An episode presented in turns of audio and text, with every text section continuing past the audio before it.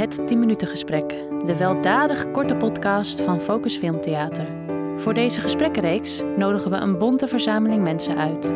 Wij zijn benieuwd waar zij zich mee bezighouden in tijden van anderhalve meter, mondkapjesplicht en lockdown. Hoe blijven ze van de straat en wat is er op hun beeldschermen te zien? Mijn naam is Kim van der Werf, programmeur bij Focus Filmtheater. En ik ben heel blij dat onze directeur Ralf Dassen vandaag mijn podcastgast is.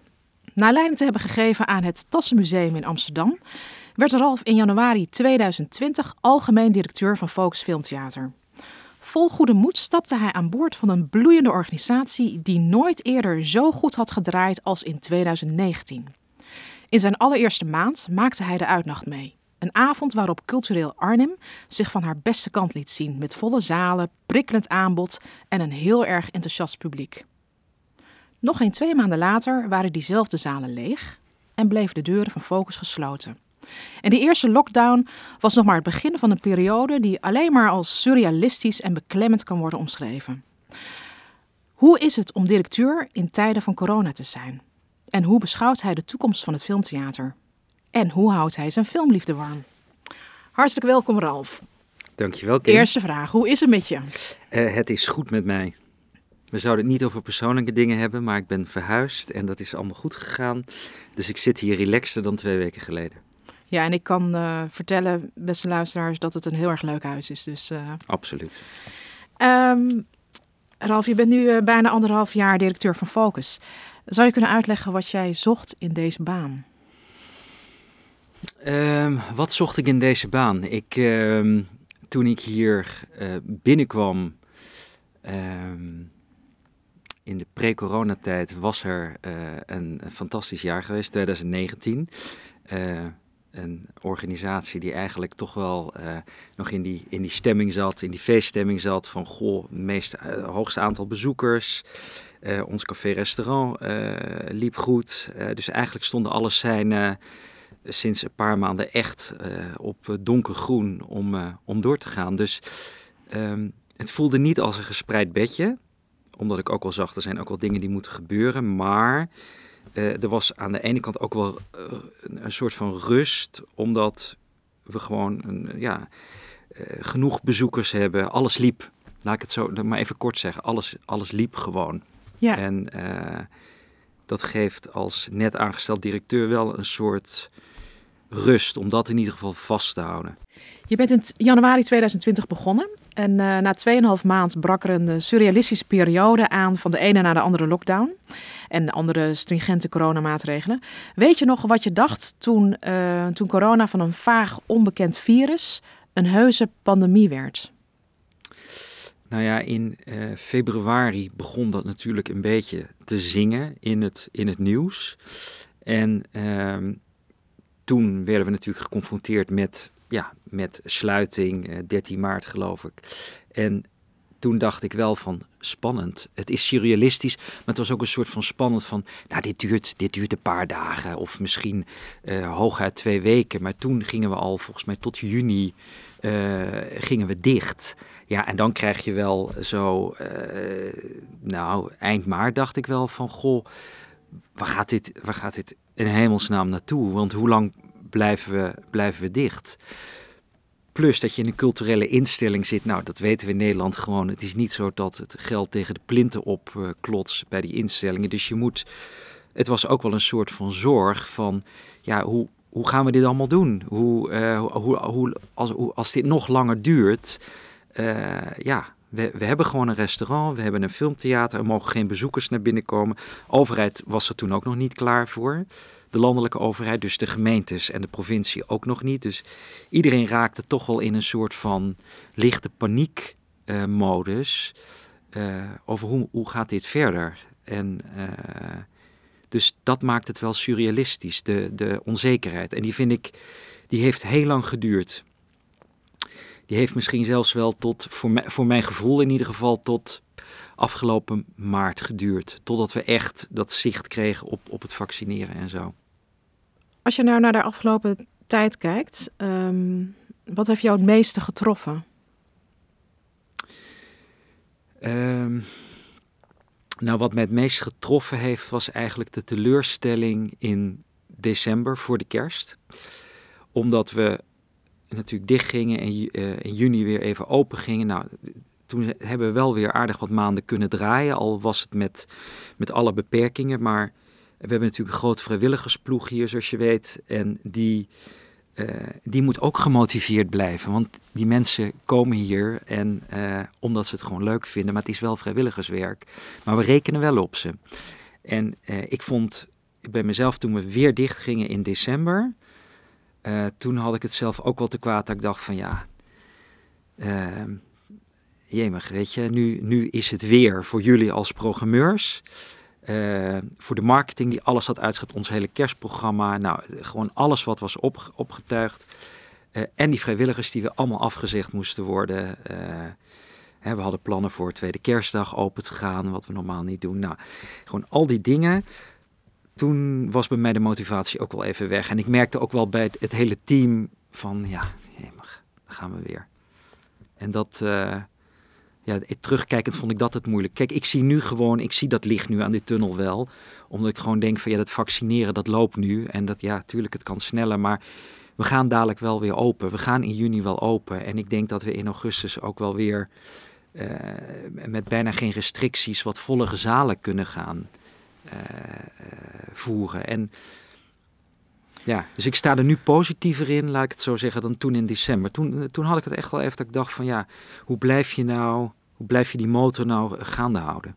Ja, we zijn bijna een half jaar verder. Hè? En als ja. uh, dadelijk de, de kruiddampen zijn opgetrokken, ja. wat voor sector zie je dan? Wat is de filmtheatersector dan nog? Nou, die filmtheatersector, kijk, we hebben steeds gezien als we dicht gingen, ook als we een paar maanden dicht gingen, dat daarna die kaartjes eigenlijk wel, ondanks de beperkingen in de zalen, maar wel weer heel redelijk snel uitverkocht raakten. Um, dus ik, ik verwacht dat die filmsector.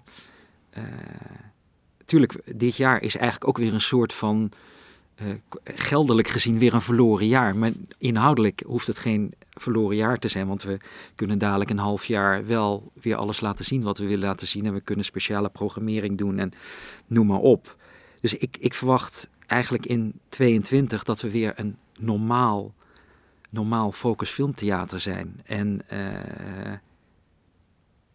waarbij misschien in het begin, omdat we wat oudere doelgroepen hier ook hebben, uh, wel mensen nog wat angst hebben en misschien met een mondkapje nog een tijdje blijven binnenkomen, terwijl het misschien niet meer nodig is of niet meer, niet meer verplicht is. Um, maar ik zie wel weer gewoon volle zalen en uh, uh, ik denk niet dat daar heel veel verandering in komt. Ik zie geen verandering in het, in het landschap. Alleen wat je wel ziet, en ook binnen de andere eh, kunstvormen, is dat er veel meer digitaal wordt gedaan. Waardoor je een extra publiek aantrekt. Dus ik geloof dat naast je, uh, bijvoorbeeld voor een danstheater, dat er uh, veel meer livestreams gaan komen. Dus dat die zaal wel vol zit, maar dat die livestreams ook meer worden uitgezonden. Wat je natuurlijk bij de grote operavoorstellingen natuurlijk al vaker ziet. Ja, bij film is dat toch lastiger, want je mensen ja. trek je naar de zaal. Die gaan hier zitten, die willen het grote scherm zien. Die, die beleving die, die zit hier in de zaal. En die is toch anders, hoe leuk een, een pikkel of andere vorm ook is. Uh, ik bedoel, ik kijk ook naar Netflix, uh, uh, zoals het gros in Nederland. Maar dat is niet erg. Als, als je maar ook denkt, hé, hey, ik ga op donderdagavond naar die film... want ik wil die film op dat grote scherm zien. En ja, want ons uh, zeg maar interne, vaak uh, aangehaalde citaat is: uh, je kunt ook een dvd'tje opzetten. Ja, ja, we hebben hem gehoord. Ja. ja. ja. Maar dat is natuurlijk voor ons als, als um, vertoner is dat natuurlijk wel een, nee, een risico. Ja, en, en, natuurlijk een uitspraak waarvan je denkt, ja, hoe kun je? Ja. Maar ik, ik, ik ik weet gewoon zeker dat dat absoluut, daar, daar komt gewoon helemaal niks van. Want ja, maar het geeft natuurlijk wel aan dat je als filmtheater meerwaarde moet bieden. Iets ja. moet bieden wat ja. uh, mensen thuis niet kunnen beleven. Ja, zeker. En dat is, uh, uh, dat hebben we in het begin vorig jaar, toen we net dicht gingen, toen kwam de Volks, Volkskrant-journalist Kevin Thoma hier, die zeg maar dat stuk heeft gepubliceerd over de, de beleving hier. En eigenlijk de algehele conclusie is toch dat je het met de zaal wil beleven.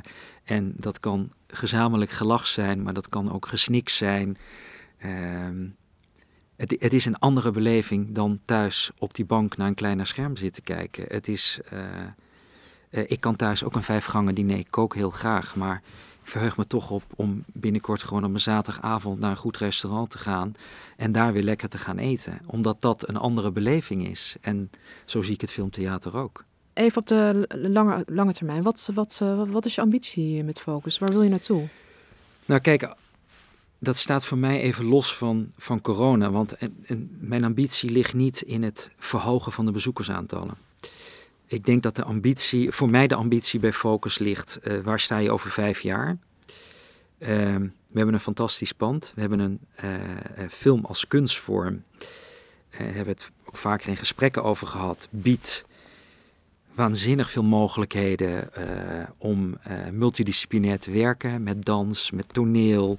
We hebben een fantastische kunstopleiding in Arnhem ik hoop dat we de komende jaren naast onze uh, goede programmering, uh, gelaagde programmering, dat we die samenwerking nog meer opzoeken dan we nu al doen. En het gebouw daarmee ook nog meer, ja, uitnut is volgens mij niet het, het juiste woord, maar gewoon heel goed benutten. dat we straks nog meer zijn dan, dan een filmtheater, maar dan zijn we een, een dat is de essentie, film is de essentie.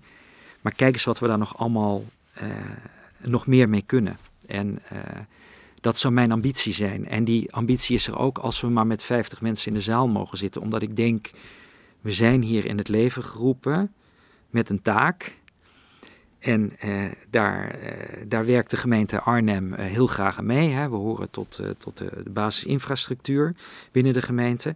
En ik vind ook dat je de taak hebt als filmtheater om dat waar te maken. En dus ook om een ambitie uit te spreken van over vijf jaar willen we daar zijn. En dat is niet alleen je programmering, maar dat, dat heeft ook met diversiteit te maken.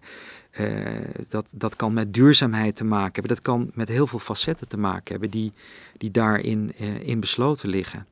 Maar het, is, het is wel het, leuk dat je, want je hebt het over, die, over een soort stedelijke uh, samenwerking. Ja. En de wethouder, Katelijne Bouwkom, zat hier een aantal weken geleden. Ja.